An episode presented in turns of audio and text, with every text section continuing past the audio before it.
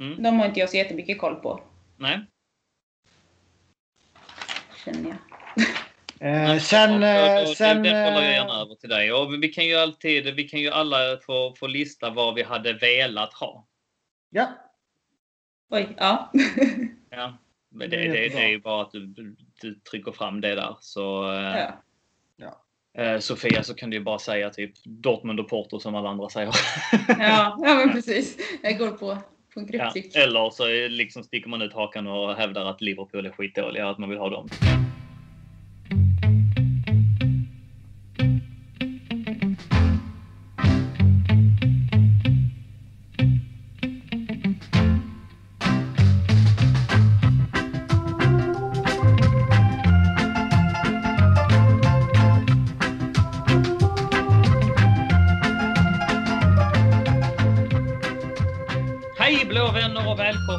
Nytt avsnitt av CSS-podden. Den enda svenska Chelsea-podden som är skapad av och manövreras av Chelsea Supporter Sweden. Den enda officiella svenska Chelsea-supporterföreningen med platinamedlemskap i Chelsea FC. Daniel Joanno heter jag, även känd som Donny. Ditt blåa moln på den svenska Chelsea-himlen. För den är sannerligen fri från gråa moln en dag som denna, eller hur Matte Byman? Det är den sannoliken. Det var en eh, uppvisning igår och man, eh, som du säger, ska man prata moln så svävar man väl snarare på dem än att man är under dem. Man Det- svävar, man dansar, Ja. man eh, gör kullerbyttor på dem. Vilken dag det är alltså. Mattias Byman alltså med i, idag igen. Sist vi spelade in var det sen fredagskväll och eh, det var ju ett fullständigt annorlunda avsnitt än vad vi är vana vid att spela in. Eh, som vi var inne på, dels så är man ju lite präglad av eh, helgvibbarna, dels är det kväll, men eh, och så dels hade vi en vars, varsin öl och, och avsnittet, det var väldigt befriande att bryta av med ett sånt avsnitt och det var väldigt kul och vilken fin eh, respons vi fick. Men idag är det lite back to basics, eller hur? Mm, ja, men idag är det lite back to basic och jag håller med. Det var, det var kul och det ska vi göra igen. Och Mm. det var ju jäkla bra och rolig feedback vi har fått också. Att eh, väldigt många tyckte att det var kul och, och, och lyssna på ett lite annorlunda avsnitt. Men också har vi fått feedback på det här att vi har ju missat så otroligt många snygga Chelsea-spelare. Så det får vi väl, det får vi väl ta åt oss att eh, vi får helt enkelt scouta lite snyggare nästa gång. Ja, det är så roligt att det var den grejen liksom, som folk reagerade mest på. Jag vaknade dagen efter för jag satt ju liksom och redigerade det här avsnittet i två och en halv timme och letade rätt på bra ljud man kunde klippa in i termer av eh, vilken tuta jag skulle ha som, som skulle liksom låta som att man drar i På spåret och sådär. Och så gick man och la sig och den första kommentaren var, var och såklart med glimten i ögat, men att vi hade missat Giroud som snygg anfallare. Ja, det har ju ramlat in en hel del eh, namn efter det också. Så det var, det var kul faktiskt. Men Ja. eh, vi får försvara oss med att vi, vi hade faktiskt inte förberett oss någonting på det här. Så att, eh, då kan det bli så att man glömmer vissa saker. Det är inte lätt att komma ihåg alla snyggingar. Nej, så är det. Men det var kul och vi får återgå till det som sagt. Vi kanske kan sikta på att göra det lite då och då. Ehm, men idag är det alltså torsdag och det är ja, eftermiddag kan man väl kalla det. Det är absolut inte kväll i alla fall. Det är lite mer ordningsamma förhållanden och eh, tillbaka för att vara med oss i denna sansade miljö är eh, Sofia Almroth också. Välkommen tillbaka Sofia. Är allt bra med dig? Tack! Ja, det är jättebra med mig. Det, det går inte att vara något annat när det är sån här, alla vinner hela tiden. Nej, det är sant. På spåret som sagt, det går som på räls. Hur känns det att vara tillbaka igen för att snacka Chelsea då? Eh, ja, men det känns jättekul. Det ska vi göra. Ja, härligt. Eh, Det är alltså dagen efter det fantastiska avancemanget från Champions League 16-delsfinalerna. Och vi välkomnar er med de orden till avsnitt nummer 99 av CSS-podden.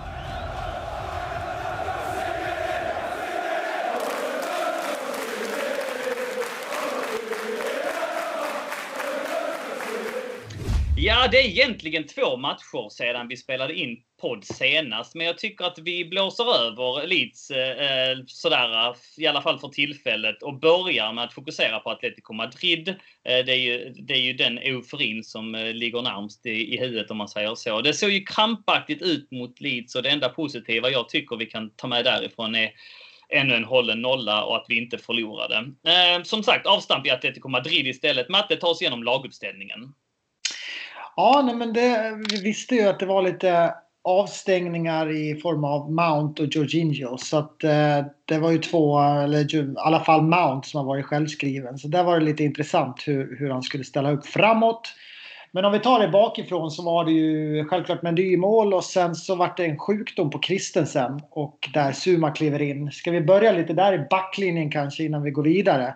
Jag tycker eh, Vad var er känsla Sofia? Du, vad kände du när Kristensen eh, bara plingade till där att han var, om han nu var sjuk eller skadad, jag tror att han var sjuk. Ja, han hade feber, men det var inte covid om jag förstod det rätt. Mm. Uh, så det kändes väl ganska självklart att det var Soma som skulle kliva in där istället. Eh, så jag blev inte, inte jätteförvånad när jag såg att det var han som startade istället för Kristensen. Eh. Jag kände, jag kände så här faktiskt att eh, och det känns ju sjukt. Nu, är ju, nu har ju jag varit ganska negativ till Kristensen sen hans liksom bejublade ja men liksom, eh, vad ska man säga, återtåg här sen Thomas Tuchel och Thiago Silva skadade mm. så har jag inte tyckt att han har hållit måttet riktigt. Men, men han har ju varit fantastisk och jag kände faktiskt att jag Gud, hur ska vi klara det här? Och det var en konstig känsla att få. Ja, jag, jag, jag håller fullständigt med det också. När jag såg honom där och så sen så hade man ju den här eh, Southampton-matchen på näthinnan också. Var det väl när Zuma spelade i, i ankaret sist? Ja. ja. ja. Och, och, där öppnades ju en ocean när Minamito kom igenom, eller hur? Jag tänker på mm. rätt match mm. nu. Va? Ja, mm. jag, jag tänker att Zuma är väl bättre spelare i en fyrbackslinje och Kristensen passar bäst i en trebackslinje. Ja, och det var därför det blev sådana stora ytor förra gången. Nu verkar det som att alla är bra i trebackslinje. För att alltså, jag, jag håller med dig exakt Matte. Att jag, jag kände också, nej hur fuck ska det gå nu alltså? Och så har vi Joe Felix och så har vi Luis Suarez där framme. Och så ska han liksom med sina, alla hans fina färdigheter, Zuma då alltså. Men han är inte den rörligaste och han är ju lite stabbig och trubbig. Och mm. också helt plötsligt har man ju som du är inne på blivit helt in inlindad och omsluten av att Kristensen har gått och blivit en världsback liksom. Så jag var, var skitnervös över det. Eh, innan vi går in på de personliga prestationerna, för det ska vi göra lite längre fram, men alltså jäklar det han Zooma bara lite snabbt alltså. Det han kanske eh, inte har i rörlighet och vad säger man smidighet. Det kompenserar ju han med annat alltså. Han missade ju inte en nickduell och jäklar vad han var med och käkade upp Suarez tillsammans med, med, med Rudiger. Men ta dig tillbaks till eh, backlinjen Matten. Mm. Eh, och så Rydiger till vänster då som har eh, i stort sett cementerat den där platsen där. Och han kan vi väl också återkomma till eh, på det personliga planet för där, där finns det också. Rydiger har ju varit och är kanske en, en person, spelare som, som man antingen hatar eller älskar lite. Och så nu börjar man komma lite mittemellan där kanske. Men mm. Vi får se. Uh, vi tar den pucken lite senare när vi går in på, på personliga prestationer. Men sen var det alltså Alonso och James som återigen fick chansen i, i, uh, i en tuff match. Mm. Um, jag hade nog tippat på Chilwell uh, på grund av att Tuchel har ju valt Chilwell när det har varit lag som har pressat högt och snabba spelare. Mm. Och så har han valt Alonso i lite, lite jobbigare matcher så där det har varit mycket längd och sådär. Men eh, mm, åter till det senare. Och sen då Kovacic... Callum Hudson-Odoi där istället för, eller Reece James istället för Callum Hudson-Odoi. Vad tänkte du kring det? Ja, det tyckte jag faktiskt var helt rätt mm. i val. För att eh, vi behövde en spelare som, som klarar av defensiven på ett, på ett annat sätt än vad Hudson-Odoi gör. Mm. Och eh, Reece James vet vi har offensiva kvaliteter. Han har bara inte riktigt fått, fått ut det under Tuchel. Men eh, igår tyckte jag att han var en av de bästa på planen. Ja, jag, jag håller med dig. Men jag bara reagerade på det i och med att Callum Hudson-Odoi startade för, första mötet. Mm. Så trodde jag att man ville liksom eh, eh möta ja, Carrasco och kanske även liksom i viss mån Joe Felix och Luis Suarez snabbhet och sånt med en, en ytter som just var lite snabbare. Men nej, nej jag håller med. Reece James var helt fantastisk. Han gjorde sin bästa match på väldigt länge måste jag säga och det var väldigt befriande. Vi pratade ju om det sist. Jag tror att det var du som var inne mm. på det då. När att han har, och vi sa han har känts lite så ängslig och rädd. Och han, ja. så fort han får mm. bollen så tittar han inte framåt utan han tittar mm. bakåt och slår passningen bakåt till Aspelekueta eller in till en central mittfältare igen. Eh, men igår så hade han ju faktiskt eh, eh, kroppen vänd framåt när han fick Mm. bollen många gånger och utmanade och sprang och drev på och sköt. Och, Som man vill se Reece James med den Mm. Ja. liksom, kroppen han har, power. Ja, verkligen. Ehm, och i, alltså, det är också en sån Twitter-sanning som har gått runt lite grann att men Rhys James funkar nog bäst i en fyrbackslinje. Men nu visar han ju att han faktiskt kan leverera på den kanten också. Så ja, fantastiskt. Mm. Ta oss vidare. Eh, vi tar oss vidare uppåt i planen där vi fick se Ziyech igen och eh, vi fick se Havertz och vi fick se Werner på topp. Mm. Och eh, det jag... Jag trodde nog både på Havertz och Werner i och med att Mount var avstängd. Men jag trodde nog inte på Ziyech ändå. Jag trodde nog att eh, vi skulle få se en eh, Giroud på topp med flankerad av Werner eller Havertz och Havertz. Eller att vi skulle köra med Callum Hudson-Odoi där. Mm. Eh, eftersom Ziyech har varit otroligt formsvag. Eh, så jag, jag, jag var lite tveksam till Ziyech eh, innan match. Helt klart. Jag, var, jag höjde på ögonbrynen jättemycket och tänkte att nej men vad fasiken, han är ju inte bra ju. Och eh, jag, jag tycker väl att, att även om han gjorde mål och att han visade tendenser den här matchen, det har han ju inte gjort tidigare, så är han ju fortfarande inte någonstans nära en, en toppnivå. Eh, Sofia? Nej, alltså jag tycker ju att om man kollar på Leeds-matchen så gjorde han ju ändå en bättre match än vad han gjort på väldigt länge. Och Mm. Så jag kan tänka mig att det var därför han fick starta. Men jag hade nog också sett Callum Hudson-Odoi där istället eh, på för, förhand. Så jag tycker inte att han gjorde det dåligt, men ja.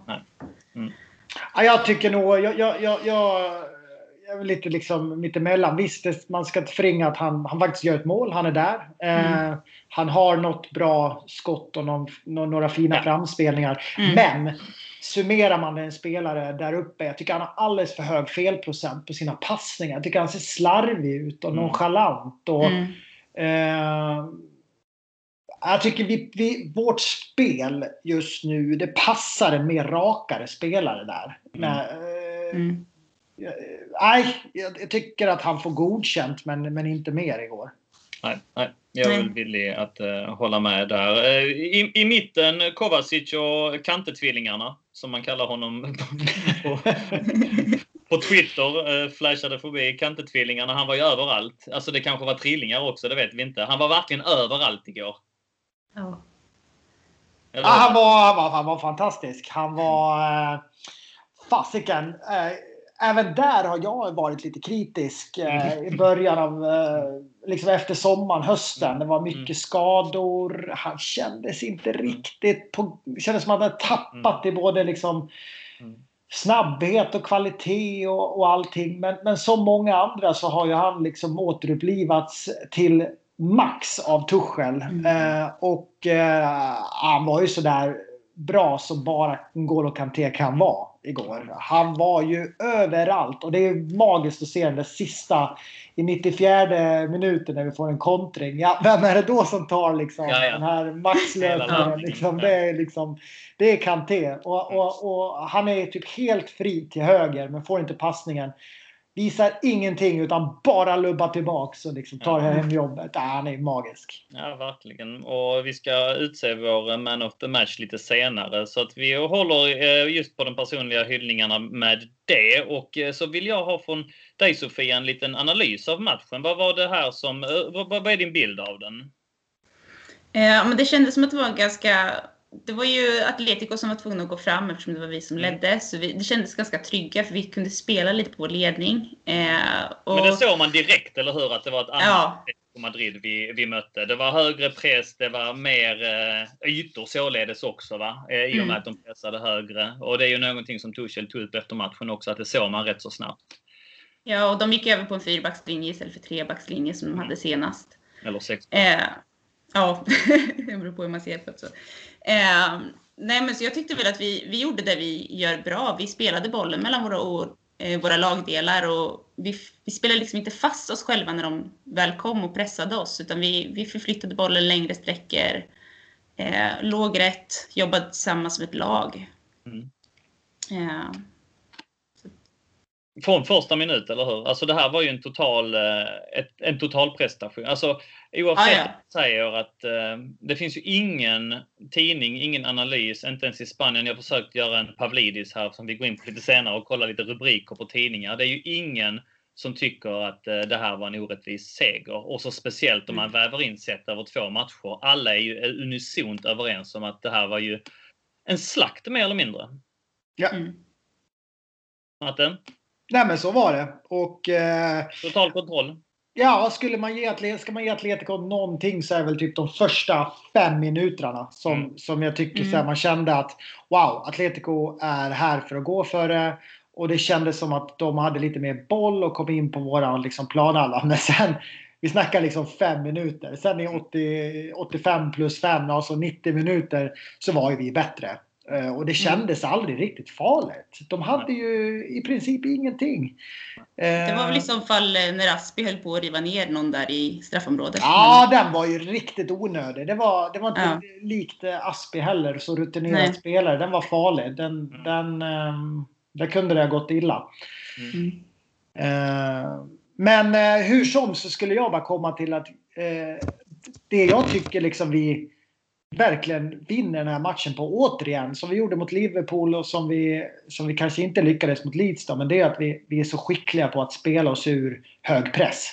Mm. Eh, att Atletico, han sa ju det, Diego Simeone efteråt, att eh, det är bara att lyfta på hatten, vi förlorade mot ett bättre lag. De lyckades spela sig ur våran press. Vi, vi, vi gick in i matchen med att skulle pressa sönder dem och vinna bollen högt, men, men eh, vi klarade inte det. Eh, Nej, det, det kändes lite som häftigt. att Ja, det kändes lite som att de backade hem i sin press efter ett tag och la sig mer på egen plan halva. Ja. Som att de inte riktigt vågade. Nej, det kanske var som du säger Sofia, det kanske är så att de, eh, de kände kanske ganska snabbt att eh, vi blir, vi blir utspelade här så vi måste mm. sjunka. Och då föll väl också deras matchplan lite grann och det är klart att det sätter sig i skallen att vi går ut med en matchplan att pressa sönder dem. Och vi blir, eh, vi blir liksom utspelade här på, på och då måste de ju såklart gå hemåt och då, då faller ju allting. Mm. Mm. Nej, det, jag, jag, jag summerade i första halvlek både i i CSS-podden-gruppen där i tråden och, och, tillsammans med ja, egentligen alla de jag hade sms-kontakt med också. Um, och konstaterade att det var nog en av de bättre halvlekarna jag sett. Och jag tycker att man skapar chanser. Vi är återigen jättesolida defensivt. 13 matcher nu alltså har Tuchel gått eh, utan förlust eh, överhuvudtaget. Och eh, två insläppta mål. Det, det, är ju remarkabelt. 11 hållna nollor. Mm. Återigen en, en hållen nolla här. Bakåt sett så ser det stabilt. Alltså det ser, det, det, det, det är jäkligt coolt. Alltså jag, jag, jag plockar fram ett citat här från Tuchel också som han sa efter matchen. Som jag tycker vi kanske kan väva in i diskussionen och spinna vidare på. Men han säger alltså i en intervju att it's about defensive work. It's about teamwork. It's about courage and reliability. So they can feel safe around each other. And this is what it takes. Plus a good goalkeeper and mm. a little bit of luck. And it's another clean sheet. Alltså, och den, den tycker jag summerar hela matchen. Alltså man, han har någonstans börjat bygga bakifrån. Det är väldigt tydligt. Och så sen så ge trygghet i hela laget. Få dem att känna sig säkra, få dem att känna sig uppskattade. Någonting du tog upp förra podden också Sofia, just det här med rotationen. Att alla har liksom en roll att spela även om man inte kanske får spela vecka ut och vecka in. En sån som Emerson tokhyllas mm. på presskonferensen efteråt va, för, sin, för sitt engagemang, för sin kämpaglöd. Um, att alla bidrar på något sätt, va? men att det hela arbetet börjar där bak. Alla ska känna sig mm. säkra, alla ska ställa upp för varandra. Det är det som, som gäller när man väl släpper till chanser. Ja, då har man en bra målvakt där bak. Det hade vi inte förra året och året innan dess. Utan alltså, men det gör ju räddningar. Det såg vi mot Leeds, mm. det såg vi här igen. Va? Att de är lite okonventionella och att han, man kanske kan inte göra en fullständig utvärdering av honom riktigt än. Sätta en, en etikett på honom som världsmålvakt och sånt. Jag är fortfarande kanske lite tveksam. Men han räddar bollar, det gör han ju. Ja. Och så då en liten eh, slice av tur också, som ni är inne på. Det har han, till skillnad från, från Lampard. Och det har vi också tagit upp i podden tidigare. Vad vill eh, Julius Caesar, Caesar säga av sina eh, ja, generaler eller löjtnanter eller sina krigare? Jo, det viktigaste är att, de, att man har tur. och mm. Lampard hade inte tur. Och eh, här har vi en incident där Aspilicueta mycket väl kan få ett rött kort. Alltså så är mm. det. Och då blir det en annan match. Och, och, det kommer vi undan med. Jag tycker inte den är solklar rött, absolut inte. Men ja, man, vi har sett dem ges, eller hur? Så ja, att det här ja. någonstans summerar en hel del, eller hur Matte? Ja men så är det. det, det jag tycker det är jäkligt häftigt också att vi faktiskt vi har ställt upp med tre olika nu centrala mittbackar i den här trebackslinjen. Först var det Silva, sen var det Christensen och nu var det Zuma. Vi rullar liksom på, på wingbacks i James och det har varit Hudson Odoi och det är Chilwell och det är Alonso och det är eh, Kanté och Kovacic och Jorginho i mitten. Så det är ju inte så här att, att, att Thomas Tuchel har valt en elva och bankat in den i alla de här matcherna och fått liksom resultat och go på, på 11 man och byggt en centrallinje. Utan, utan fan, det spelar ju ingen roll vem vi slänger in. Alla, alla är ju typ lika bra på de här positionerna. De kanske tillför lite olika saker i form av spetskvaliteter. Men, mm. men jag tycker vi får samma stabilitet och liksom samma eh, typ av spel oavsett vem. Det är så jävla häftigt att se. Nej men visst är det så mm. Sofia. Exakt det som eh, Mattias sa där har jag också skrivit ner. Alltså något har Tuchel gjort. Alla kan fylla in. Alltså innan ja. man kanske var rädd när exempelvis då eh, Christensen, om vi tar honom som fast exempel, skulle missa en match. Va? Men inför denna matchen så har vi ju ändå Thiago Silva och Tammy Abraham skadade på grund, eh, eller av, eh, borta ur, ur truppen mm. på grund av skada. Vi har eh, Mason Mount och Jorginho avstängda och, och, så då Christensen vaknar upp sjuk. Och ändå mm. så kommer man in och, och, har täckning på de här positionerna. Exakt, exakt som Matte säger, de tillför inte samma sak, men de tillför i sina roller. Ja, men det, det tycker jag. Tuchel har liksom satt så här. Ska du spela på den här positionen, då är det det här jag vill få ut av dig. Plus dina individuella skickligheter. Men han har liksom en grundidé som att varje spelare och varje position ska ha. Mm. Och sen så liksom plockar han in den spelaren som även kan tillföra det individuella lilla extra. Det... Ja, det är På minuskontot har jag satt att det saknas fortfarande lite längst fram. Håller ni med om det? Ja. Alltså fortfarande så är det där va? man hade kunnat. Det är en del brända chanser. Det är en del eh, felbeslut som du också var inne på Matte med den sista passningen kanske framförallt från Ziyech som inte riktigt sitter. Så det finns en del att bygga vidare på också, eller hur Sofia? Ja, men det tycker jag verkligen det framme. Jag satt och tittade lite extra på det nu innan och det känns liksom som att när de kommer fram mot straffområdet så, så liksom kollar man bara på bollen och mål. Det, man, man har inte jättemycket koll på vilka spelare man har runt om sig. Vad har jag för passningsalternativ? Finns det någon som är i bättre läge som, som kan göra mål? Eh, och sen när man väl kommer till avslut så ja, då går de inte ens på mål. Så att det är mycket att göra. Ja, eh jag saknade verkligen Mount igår. Eh, mm. Han har ju varit eh, vår klart lysande stjärna, det har vi sagt i många poddar, eh, tillbaks i tiden nu och, och, det, och det vet alla. Så jag, jag tycker han tillför någonting eh, extra och han tillför både liksom smartness och snabbhet. Eh, och Sesh, han är inte där formmässigt. Eh, så där tyckte jag att vi, vi, vi blev lite halt igår. Eh, mm. Men eh, ska man gå in på, på Timo Werner så måste jag säga att han, han är ju han är ju bra Timo. Mm. Mm. Alltså han löper och sliter och utmanar och så vidare. Tänk om han bara kunde få igång sitt målskytte också. Då, då har vi en fantastisk spelare där. Eh, så det är ju synd att han inte riktigt lossnar. Fick han till en jättefin eh, assist där igår och sådär. Men det är ju nästan, det är nästan som man hade hoppats att det var han som, som var Ziyech och tvärtom. Mm. Är, han det... inte, är inte Timo Werner typexemplet på någon, någonting som jag vet om du Werner för en del har sagt tidigare upplagor av podden att man inte ska stirra sig blind på statistik. Och är inte liksom Timo Werner verkligen den eh, mannen som bekräftar det på något sätt? Va? För att tittar man på en statistik här nu de senaste matcherna, det ekar ju tomt på målkontot. Men som du säger, vi som ser matcherna, vi ser ju vad han tillför.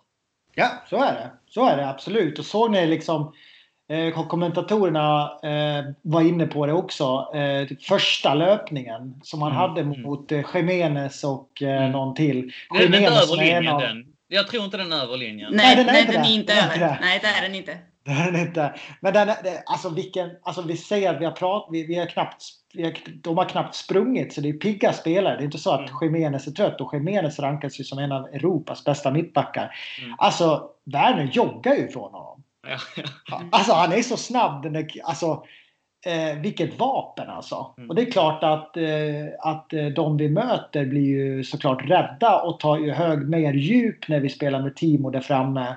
För de vet att det kan gå undan och då får ju de här två eh, fria spelarna eh, mellan forward och mittfält eh, som nu skulle vara Ziyech och Havertz. De får ju mycket mer ytor också på grund av att Timo Werner trycker ju ner eh, varenda försvar ju med att han är så snabb. Så att, eh, det är bara att hålla tummarna att det snart bara vänder för då har vi ju en... Eh, ja, då, då vill jag lova att det kommer hända grejer.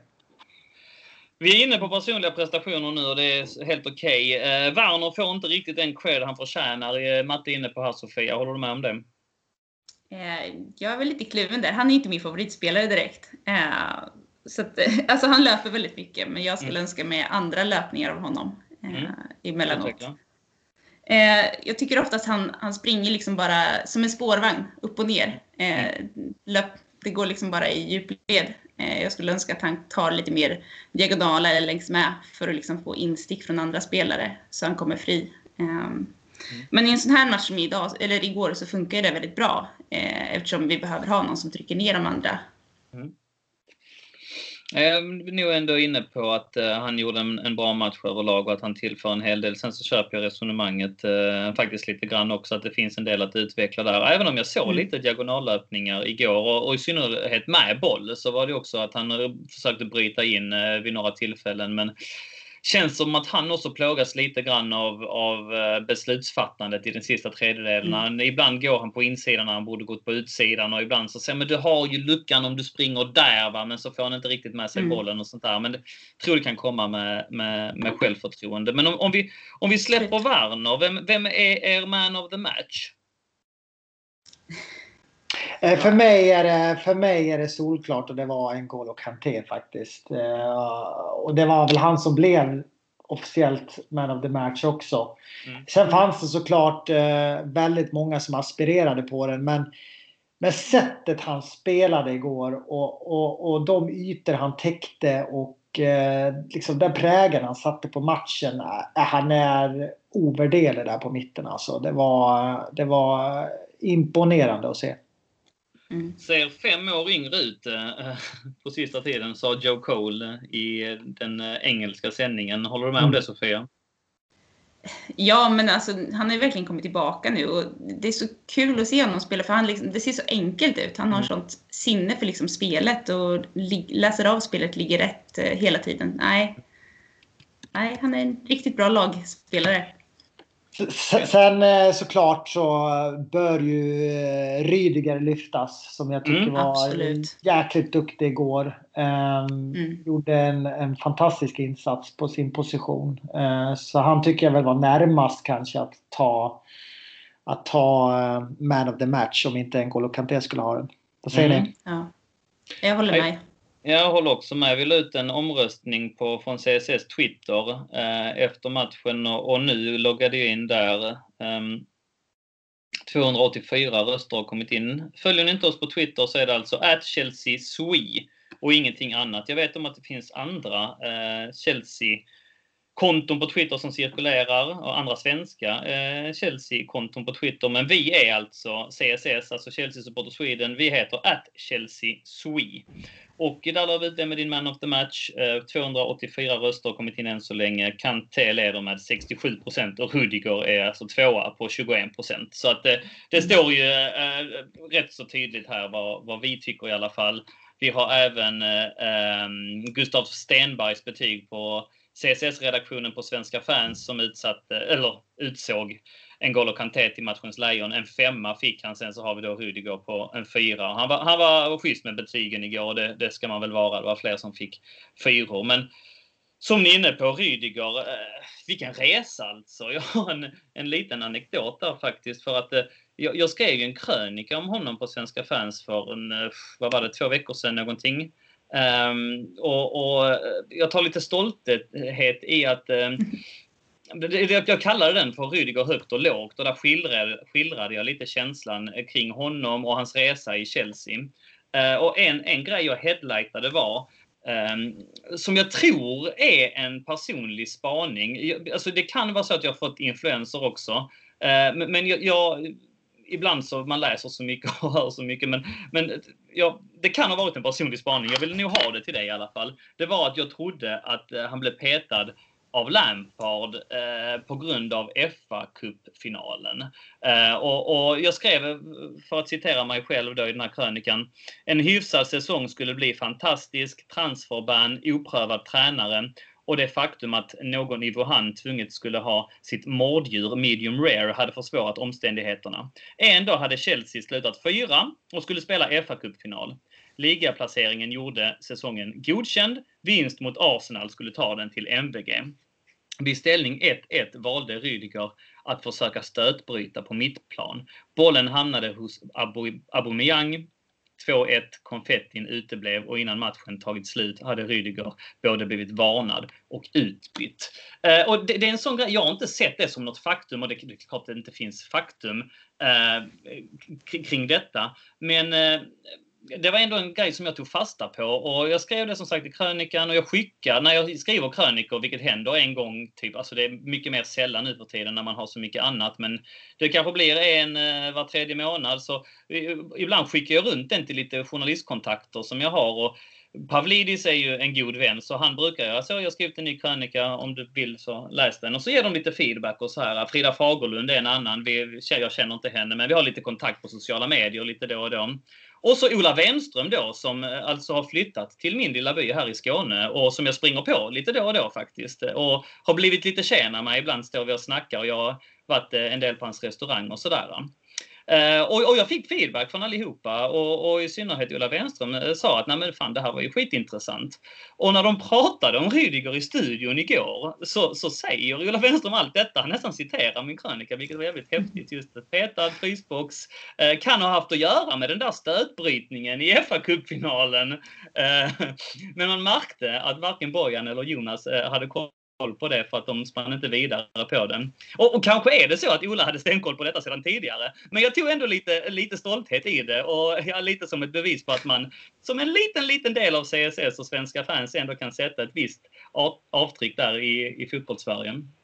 Jag håller med. Det var, det var jättebra skrivet Donny och det fick lite mer eh, Ja, men jag, jag fick lite mer känslor för Rydiger efter det. Jag, jag har aldrig riktigt tagit till mig honom faktiskt. Jag har haft mm. svårt. Dels tycker jag att han är liksom en slarvig fotbollsspelare på så sätt mm. att man vet aldrig riktigt vad man får mm. av honom. Eh, visste? Och... Ska man inte säga visste? För att han har inte visat det de här sista 13 matcherna. Han har ju varit säkerheten själv de här sista ja, 13 matcherna. Ja, det är en helt annan spelare. Så man, för du håller ju med dig. Man vet ju vad därför krönikan hette Rydiger högt och lågt. Ja. ja. Eh, nej men det är verkligen så och jag som eh, eh om, eh, jag som har följt Rydiger lite mer. Jag är ju en sån här Italienvurmare som alla vet. Jag älskar ju alla italienare i Chelsea. Det är mycket för att jag jag vurmar mycket för, för italienska ligan också. Jag tycker den har någonting. Och, eh, och jag har ju sett honom mycket i Roma och när vi köpte honom från Roma så, så Uh, det var ju inte, det var, han var ju liksom inte ens bra i Roma. Uh, ja, men alltså på riktigt. Det var ju liksom, jag visste vad vi fick. Jag, jag tänkte så här, vad, vad köper vi för något? Det kändes som ett sånt här ytterligare ett sånt här köp som typ Drinkwater och alla de här liksom, extra utfyllnadsspelarna vi har köpt. Men, eh, men nu, aj, vilken, vilken förvandling och det är också häftigt att se vilken vinnarskalle han är. Han liksom, eh, redan i första matchen mot Atletico när han, när han käftade lite med Suarez där. Och det är väl lite sånt där jag gillar. Jag, jag är ju lite själv sådär. Jag, jag gillar ju att se de här fighterna som, som liksom eh, hettar till när det är stora matcher och visar att de brinner för matchen och för klubben. Och så att eh, är bara hatten av för Rydiger att han, mm. att han bara kör. Hatten av för Rydiger Sofia, ställer du dig i kören?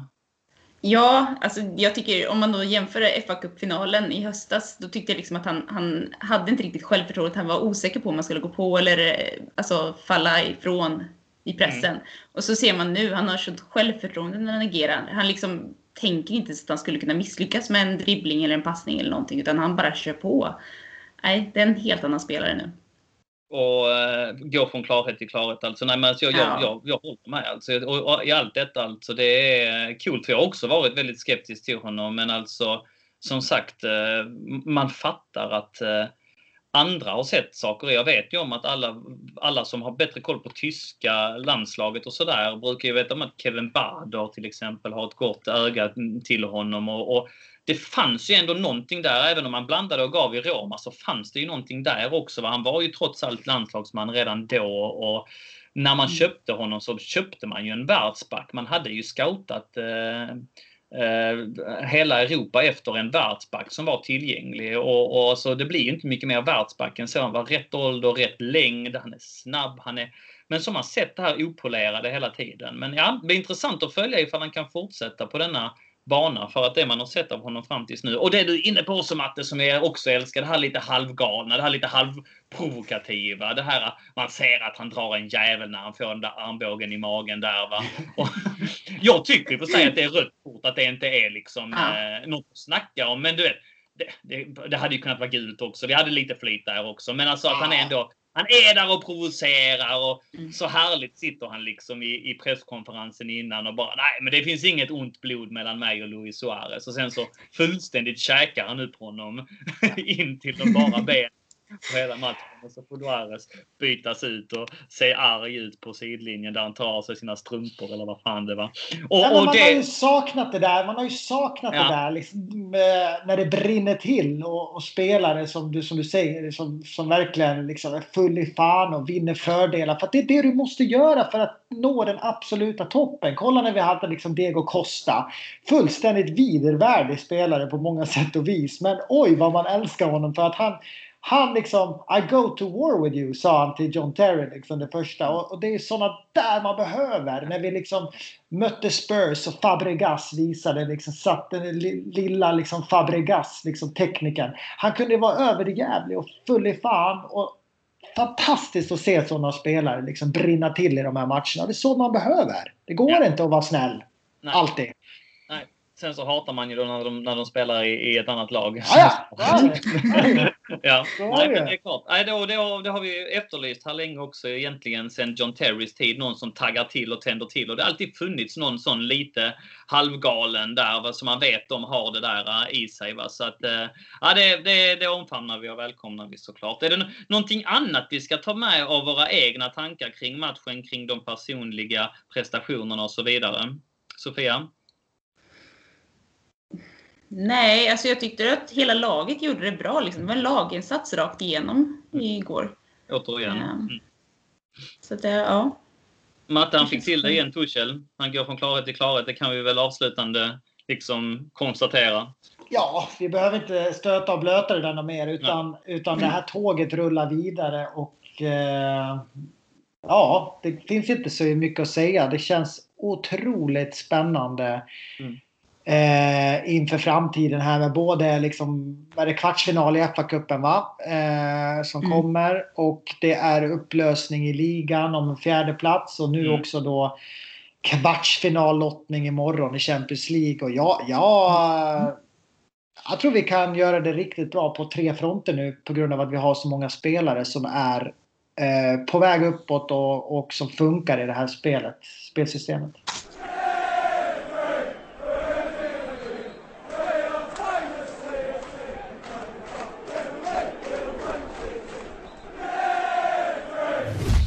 Det är inte bara vi som hyllar Chelsea i de här tiderna, utan även jag har tagit lite temp här, eh, Fredrik Pavlidis-style, och kollat igenom löpsedlarna på de engelska tidningarna. Och det är ju mycket hyllningar även, även där alltså.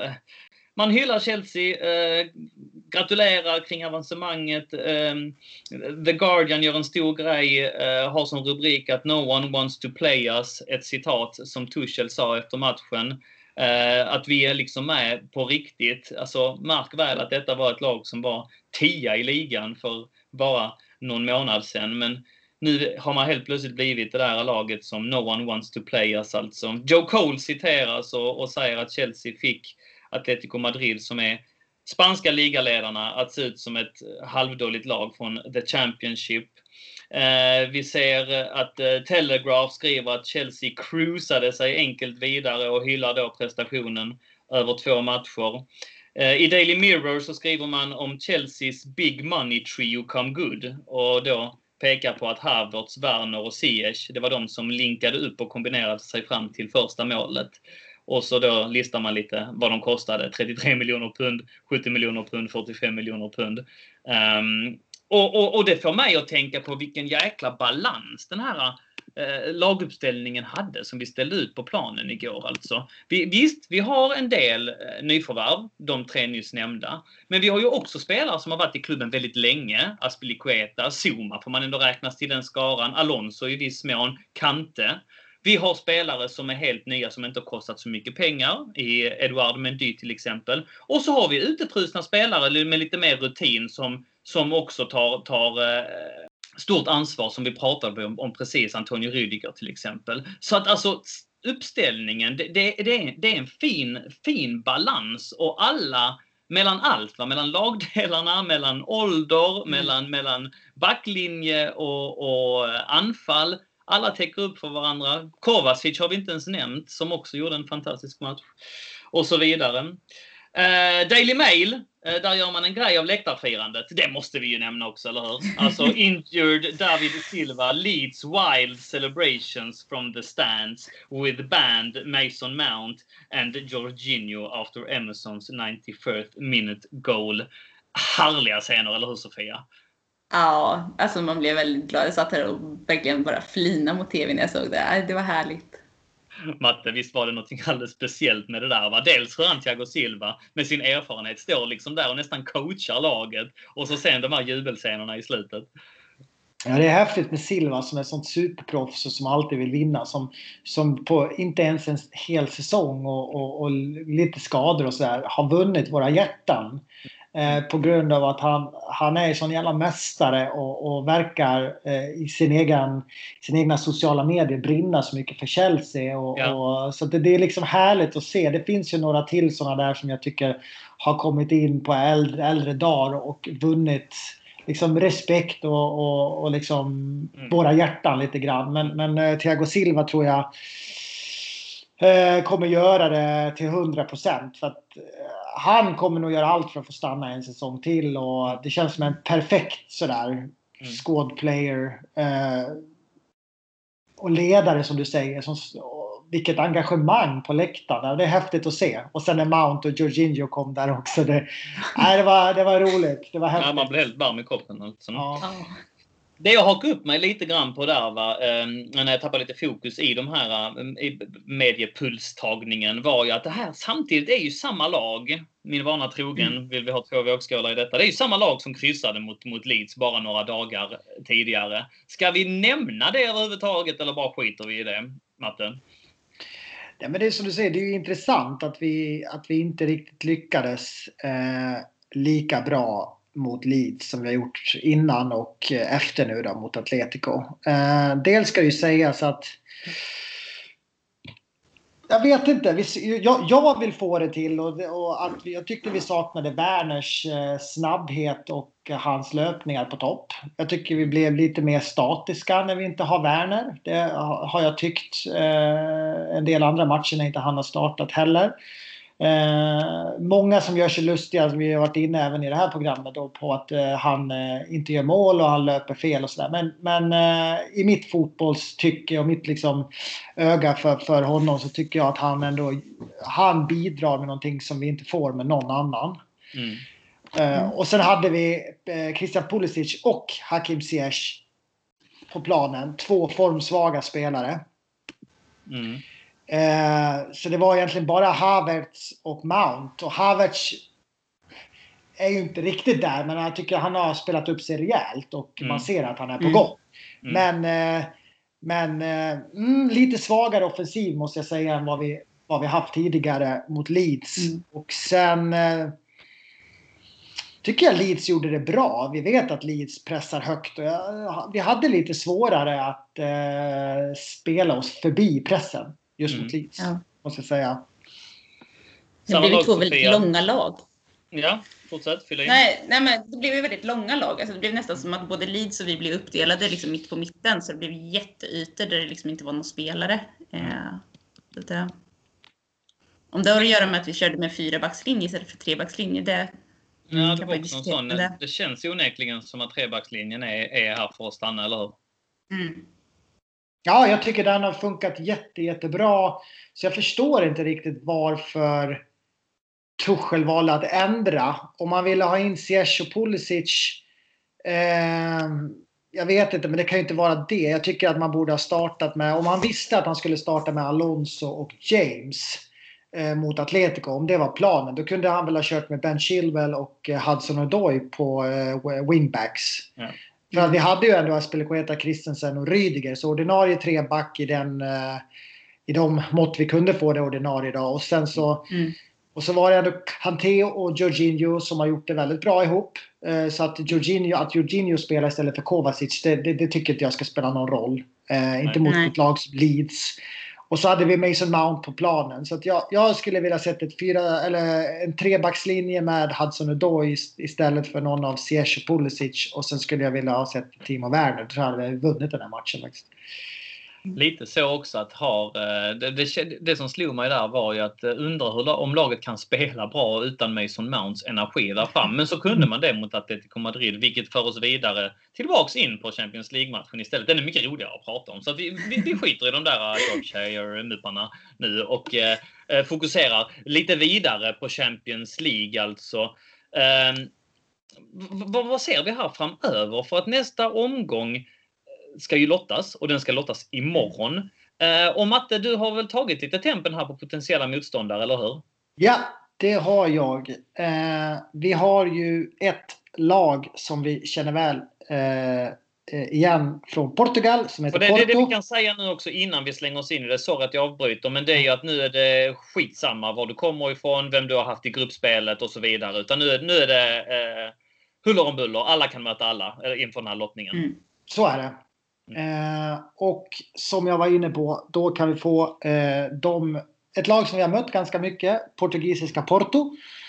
Eh, känner väl eh, till dem, men eh, man känner sällan till dem heller. För att de är ju ett sånt här lag som oftast får till bra upplagor från år till år och hittar nya talanger och förädlar dem och sådär. Så att ett jäkla spännande lag Porto. Man vet aldrig riktigt vad man får. Eh, men den här säsongen verkar de ju onekligen vara eh, rätt så bra i alla fall. Eh, de ligger tvåa i ligan. Eh, mm. de leder alltså inte. De ligger 10 poäng efter Sporting eh, Lissabon.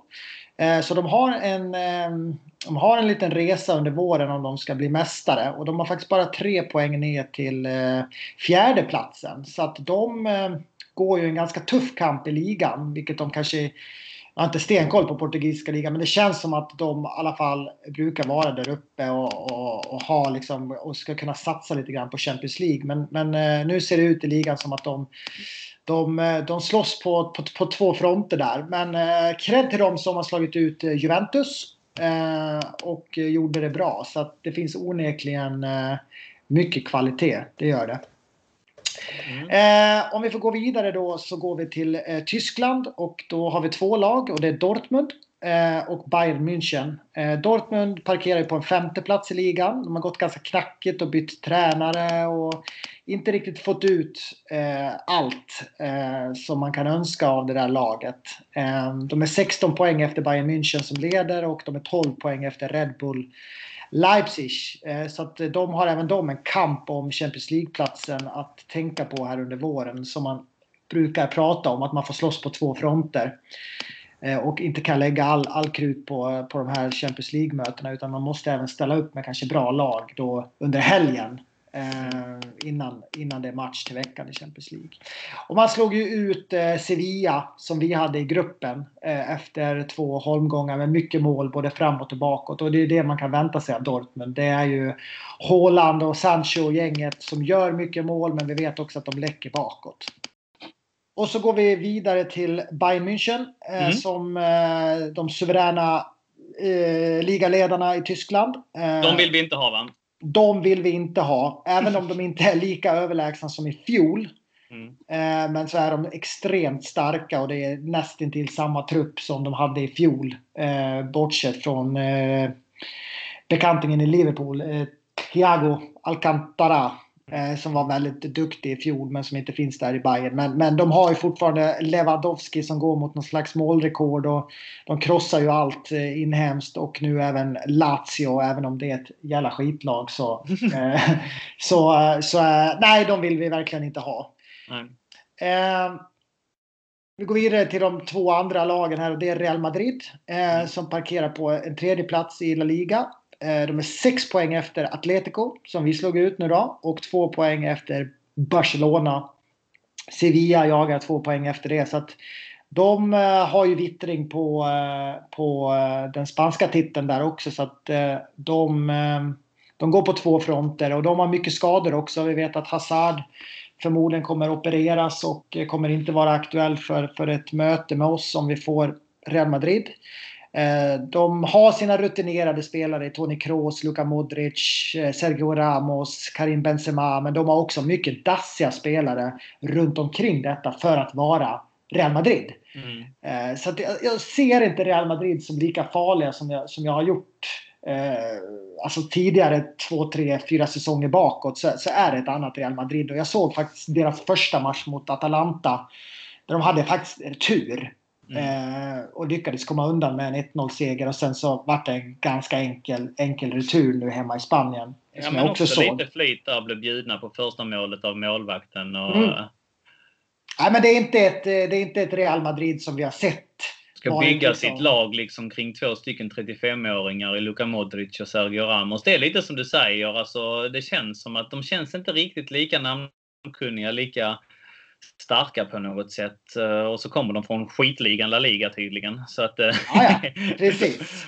Och, de, och de har också vittring eh, på den inhemska titeln nu också ska sägas och Mm. har problem med mycket skador. Så att det här att liksom slåss på två fronter och inte ha en, en, en så bred trupp och mycket Mm. skador. Det kan vara...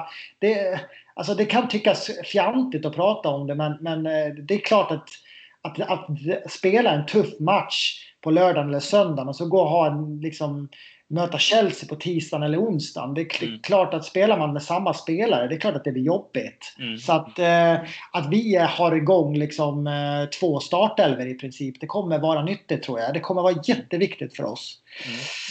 Mm. Eh. Mm. och sen har vi då... Man blir Paris- kaxig lätt också, Marcus.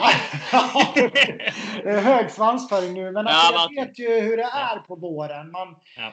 Man, kan, man kan ha trefrontskrig som vi har. Vi ska Mm. slåss om Champions League-plats och FA-cupen kan komma liksom om vi går vidare. och så, här. så att Mm. Det krävs att vi har mycket spelare.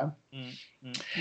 Som sagt, vi går till Frankrike och de eh, fjolårsfinalisten Paris Saint-Germain som parkerar på en andra plats i ligan efter Lille. Eh, och då Lyon som ligger trea på samma poäng som Paris. Och Monaco jagar även därefter med som ligger fyra poäng efter. Så det är ganska tajt i franska ligan.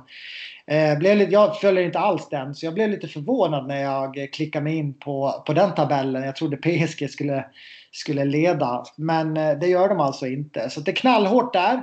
De har ju ny tränare, eh, Tottenham-bekantingen, eh, Pochettino. Och det är även Tuchels gamla lag. Eh, kanske alla vet, men bör nämnas. Mm. Slog ut eh, Messi och company eh, senast. Har ju en fantastisk offensiv med Mbappé, Neymar, Di Maria, Icardi. You name it liksom. Och eh, väldigt namnkunnigt i bas. Det, det är ett fantastiskt fotbollslag när det stämmer. Eh, och oerhört livsfarliga. Så att den vill vi inte heller ha, skulle Nej. jag säga. Men, eh, vi ska få det- det Att här. laget kan tagga till lite extra. Så just att Tuchel eh, kan få extra blodad tand och så vidare och ställas mot dem. Liksom. Jag kan tänka mig att det kan bli liksom... Jag tar, jag tar ju hellre dem än eh, vilka du kommer nämna nu. Och vilka du redan har nämnt, eh, Bayern München. Alltså, av, av, av tuffa, för att det här är ändå en av de tuffare motståndarna. Men om man ska välja mellan de tuffare motståndarna. Jag tror till och med he- hellre jag tar jag tar eh, PSG framför eh, Real Madrid. Men eh, som sagt, jag, jag undviker helst Bayern München och de du kommer in på nu. Ja, spännande. Du ska få göra din ranking sen Donny. Ja. Se Mm. om jag håller med dig till fullt. Mm. Men vi får se. Ja, men sen ska vi bara nämna de två sista och det är Liverpool och City. Och där Mm. behöver jag inte göra någon, någon Nej. eh, sån här genomgång. Utan där vet vi Mm. vad vi har Liverpool och City i ligan. Och vi vet Och det är framförallt City jag menar där. De, de eh, tog hoppas jag att vi duckar alltså. Så är det ju.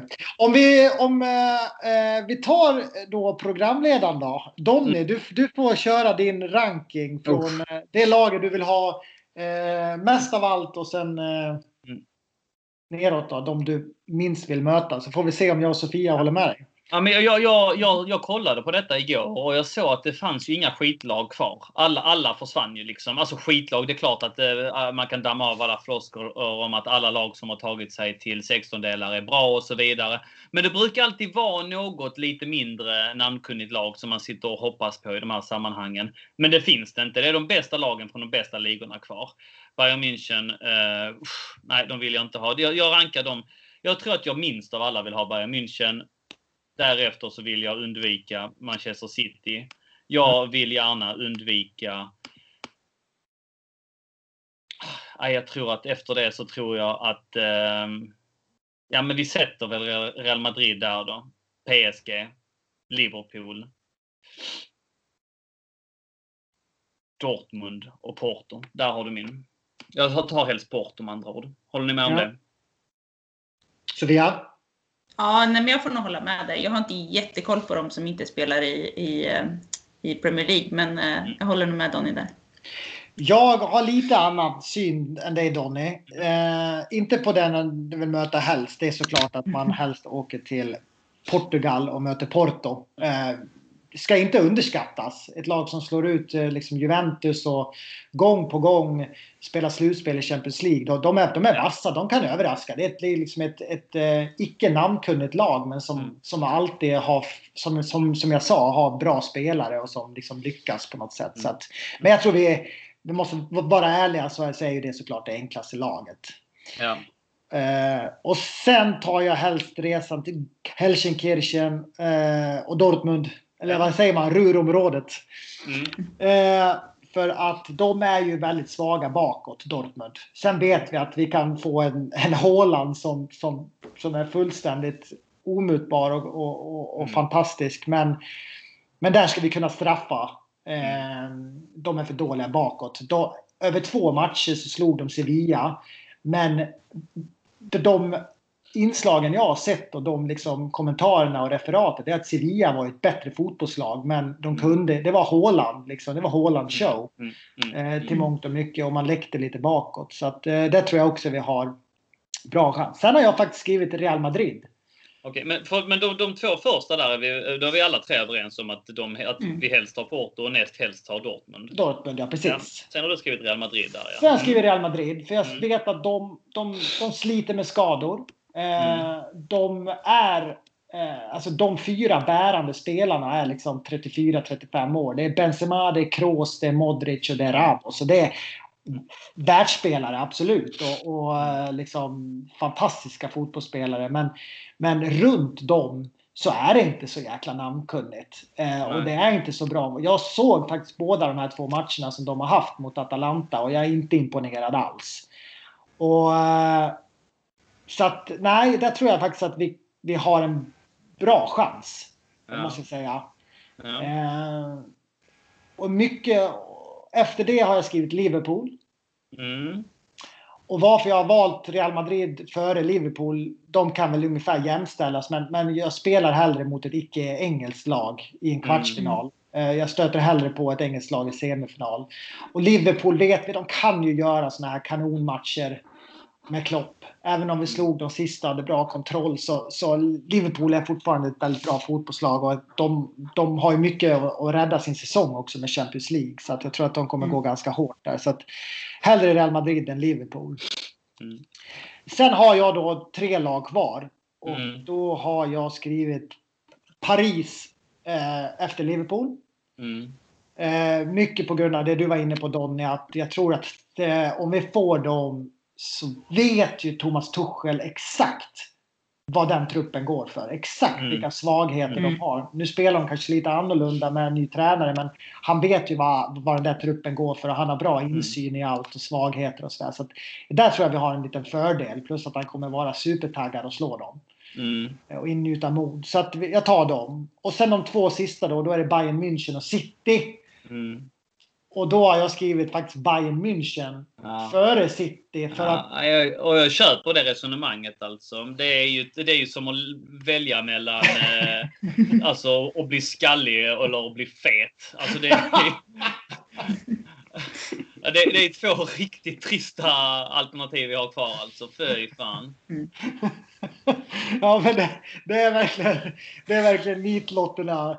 Och varför jag har valt Bayern München först före City, det är också det bara på grund av att jag faktiskt hellre vill möta ett icke-engelskt lag i kvartsfinal.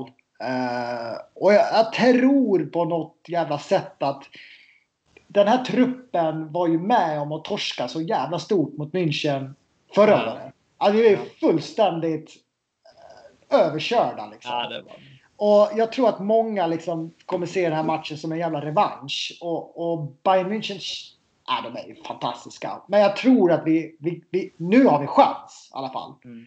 Eh, så ska, nej, jag ser hellre att vi får dem än City. Det gör jag. Mm.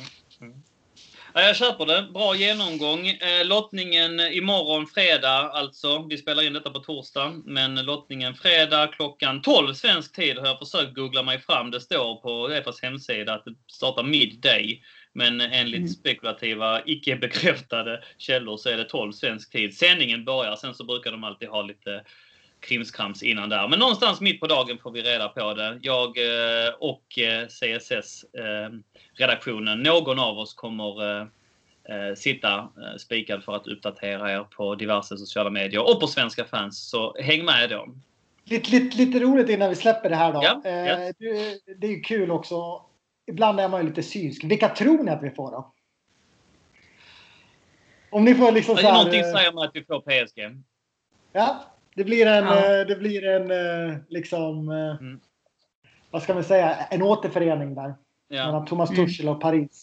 Alltså jag, jag är hyfsat nöjd så länge vi kan undvika eh, City och Bayern München. Jag, jag har lärt mig här i livet, don't ask for much. Alltså, kan vi undvika de två så, får, får jag, får jag, så tar jag alla andra lag faktiskt. Men någonting säger mig att vi får PSG. Sofia? Nå, Ja, PSG eller Real tror jag på att vi får. Ja. Även om... Ja. Vad sa du Matte? Nej, jag är bombsäker på att vi får Bayern München. Du tror det? Att, nej, fan! Nej. Ja, men vi har mött dem. Vi får ju jämt dem. Vi möter alltid dem. Det känns som vi har dem varje säsong. Uh, nej, jag, är i finalen? Ja, jag, jag, jag ser bara liksom den här jävla lottningen. Det står någon gammal trött fotbollsspelare där och öppnar upp de här kulorna och så bara Chelsea, Bayern.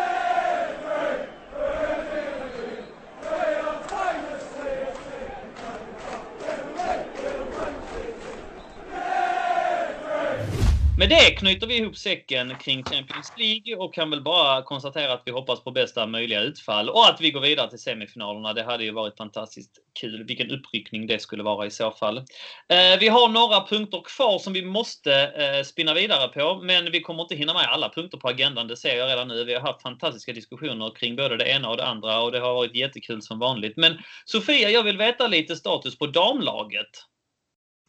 Ja, damlaget tickar ju på. De tog ju första titeln för säsongen nu i söndags. Eh, Det är inget snack om det, eller hur?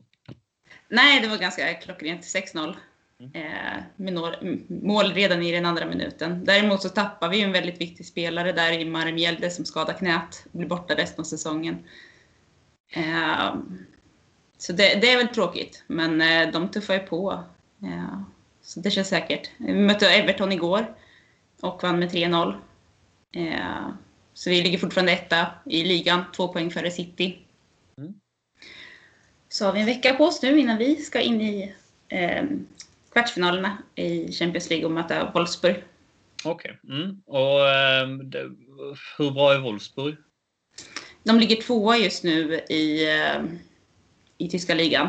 Eh, så de är väldigt bra och eh, Vi har ju varit i semifinal två gånger tidigare med, eh, med Chelsea och då har vi åkt ut mot just Wolfsburg och Lyon. Så det är ju lite... Ja, det är väl inget drömmotståndare, men eh, någon gång ska vi möta dem. Ja, så är det. Och eh, som Tuchel sa, ingen vill möta oss. Det går ju att applicera på damerna också, eller hur? Ja, gör det. Mm. Vi snodde ju deras bästa spelare, så att... Ja, ja, just det. Pernilla hörde. Mm, det var det. Mm. Hur går det för svenskorna? Har de, eh, för att eh, visst, Magdalena eh, har ju varit lite skadad, eller hur? Men är tillbaka. Mm. Ja, både hon och Jonna spelade igår. Och båda spelade i matchen i söndags, men Jonna byttes ut i halvlek. Okay. Men eftersom vi ledde med så mycket så roterade hon väldigt ja. mycket. Det blev 6-0 i den matchen blev det totalt va? Ja. Det var ingen snack alls? Nej. Firma Carrie Kirby. De ja, ja. rullade upp det. Ja, verkligen. Mm. Och eh, förutom eh, ehm, Champions League-spel, vad, vad, finns det mer i horisonten för damerna? Mm, sen har vi där eh, nästa söndag, inte nu i helgen utan söndagen efter det, så har vi Aston Villa i eh, VSL innan vi ska tillbaka till Budapest och möta Wolfsburg en gång till. Mm. Men det här kan bli riktigt bra va? Ja, men det kan det. Det är ändå fem omgångar kvar, så man får väl hålla utsikt lite i den 20 omgången när vi möter City. Det är väl den avgörande matchen. Kanon! Då tackar vi för den uppdateringen. Det står här på agendan att vi måste ta tag lite grann i eh, framåtblick för herrarna också. Och nästa eh, avstamp är ju Sheffield United i FA-cupen.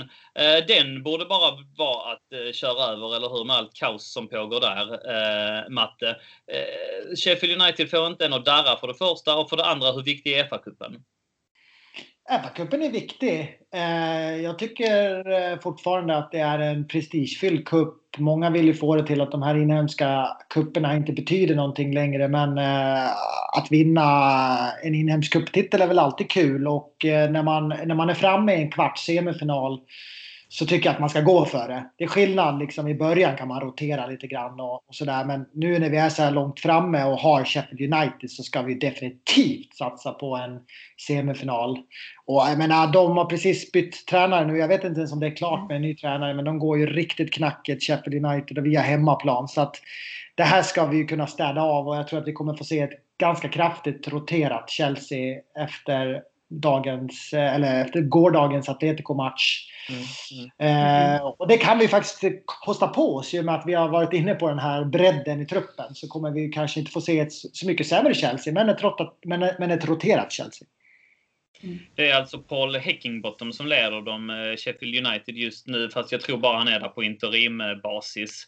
Eh, Chris Wilder alltså sparkad efter att nyheten läckte ut om ett stort, stort eh, eh, hur säger man, fallout med styrelsen. Eh, man, eh, från att man liksom har backat honom hela säsongen egentligen, suttit på sin post i fem år, gjort det jättebra, blivit hyllad eh, och så. Va? Men resultaten, det tar ju ut sin rätt eh, till slut. Men det man vet är att många spelare eh, höll Chris Wilder om ryggen. Ampadu var ute och uttalade sig också på sin sociala medier om att han tyckte det var väldigt sorgligt och tackade Chris Wilder för, för hans eh, påverkan på honom och under denna säsong. Eh, men att det stormar i det lägret, det, det, det, står det klart vid. Och att vi borde vinna, mm. eller hur eh, Sofia, och boka biljetten till nästa eh, runda i FA-cupen är väl också en sanning. Jo, men det, det tycker jag det ska vara det. Sen får man ju aldrig ta, ta för enkelt på en match. Liksom. De kan ju sprätta till och göra en bra match. Men vi bör vinna över dem, så är det. Så är det. Um, den matchen uh, spelas alltså på söndag med avspark klockan 14.30. Uh, eh, boys and girls, vi måste wrappa upp detta nu för att uh, vi är well over time limit återigen. Men så blir det när man har kul och, och babblar på. Och ja, än så länge har vi inte fått några klagomål på för långa avsnitt. Men det har nästan blivit en, en sanning att vi spelar in mellan en timme och en och en halv nu för tiden. Så att ja, så får det väl vara. Någonting ni vill säga avslutande? Vi börjar med dig Sofia. Nej, men eh, det har återigen varit väldigt kul att få vara med här. Eh, så det var väldigt roligt. Jag ser fram emot helgens match. Ja, verkligen. Matte? Nej, inga, eh, inga fler kommentarer ska jag säga. Jag ser också fram emot, eh, ser fram emot ett, ett, som sagt, ett roterat lag kanske. Och, eh, men inte så roterat. För jag skulle vilja se Timo Werner från start. Och jag skulle vilja se Timo Werner hänga en eller två kassar eh, i helgen. För att eh, liksom gå en ljusare vår till mötes med inte bara fina prestationer på plan utan också mål. Mm. Så är det. I första avstampet vi ser fram emot är alltså morgondagens, fredagens lottning. Därefter har vi Sheffield United i FA-cupens kvartfinal, kvartsfinal på söndag alltså. Därefter är det uppehåll och eh, ökenvandring. Jag som hatar landslagsuppehåll. Vi får se om eh, hur vi gör med podden då. Vi kanske passar på att pausa en vecka eller så spelar, spelar vi något specialavsnitt. Vi får se vad, vad som händer nu när ångan är uppe. Sen när vi är tillbaka, eh, det är faktiskt, då är vi framme i april den tredje, då möter vi West Brom, därefter Crystal Palace, därefter Brighton. Och eh, de tre matcherna är absolut vinnbara. Så att eh, ja, en intressant eh, period framöver också. Med det så börjar vi knyta ihop säcken. Vi vill avslutningsvis påminna er om att följa oss på sociala medier. Det är som sagt supporterföreningen Chelsea Supporter Sweden som står bakom podden. Och man behöver inte vara medlem för att ta del av vårt ideella arbete. Men vill man stötta på ett enkelt sätt så kan man göra det genom att som sagt följa oss på sociala medier. På Instagram heter vi att Chelsea Sweden official och på Twitter heter vi att Chelsea Swe. In och följ oss redan vet jag, om du inte gör det. Jag heter att Daniel Johanner på Twitter om man skulle vilja följa mig och Matte heter att Hundsur och Sofia heter Alm, att Almrot Sofia. Och vill man så får man jättegärna följa oss också. I övrigt rekommenderar jag ett besök då och då på vår hemsida på Svenska fans som alltså är www.svenskafans.com England Chelsea där supporterklubben bedriver vårt dagliga arbete i termer om krönikor och matchrapporter och ett forum som numera är öppet också. Så är det. In och eh, checka in där från eh, datorn eller från telefonen lite då och då. Det tycker vi är kul. Om du lyssnar på podden och ännu inte blivit medlem i CSS-podden-gruppen på Facebook så kan jag varmt rekommendera det också. Där kan man diskutera podden och dess innehåll samtidigt som man kan dela och läsa olika trådar. Man kan diskutera i våra matchtrådar som vi lägger upp inför varje match och mycket mer. Jag, Mattias och Sofia förmodligen också, eller någon annan för den delen, är tillbaka i CSS-podden inom kort. Eh, vi får ihop det den här gången, vi får ihop det framöver. Vill du på något sätt vara med i podden eller vill du på något sätt vara med i vårt arbete i CSS-redaktionen så har vi rekrytering öppen just nu. Mer information om det på vår hemsida på Svenska fans. Med det sagt så sätter vi punkt. Matte, stort tack för att du var med igen min vän. Sofia, inte bara grym som sagt i text utan även grym i podd. Andra avsnittet, nu är det konstaterat. Var det kul att vara med? Ja, det var det. Jag var mindre nervös den gången. Ja, men vad härligt. Och Matte, superstar as usual. Thank you and the same to you guys. Då säger vi så mina vänner, var snälla mot varandra där ute i Chelsea-Sverige så hörs vi snart igen. Carefree och up the Chels!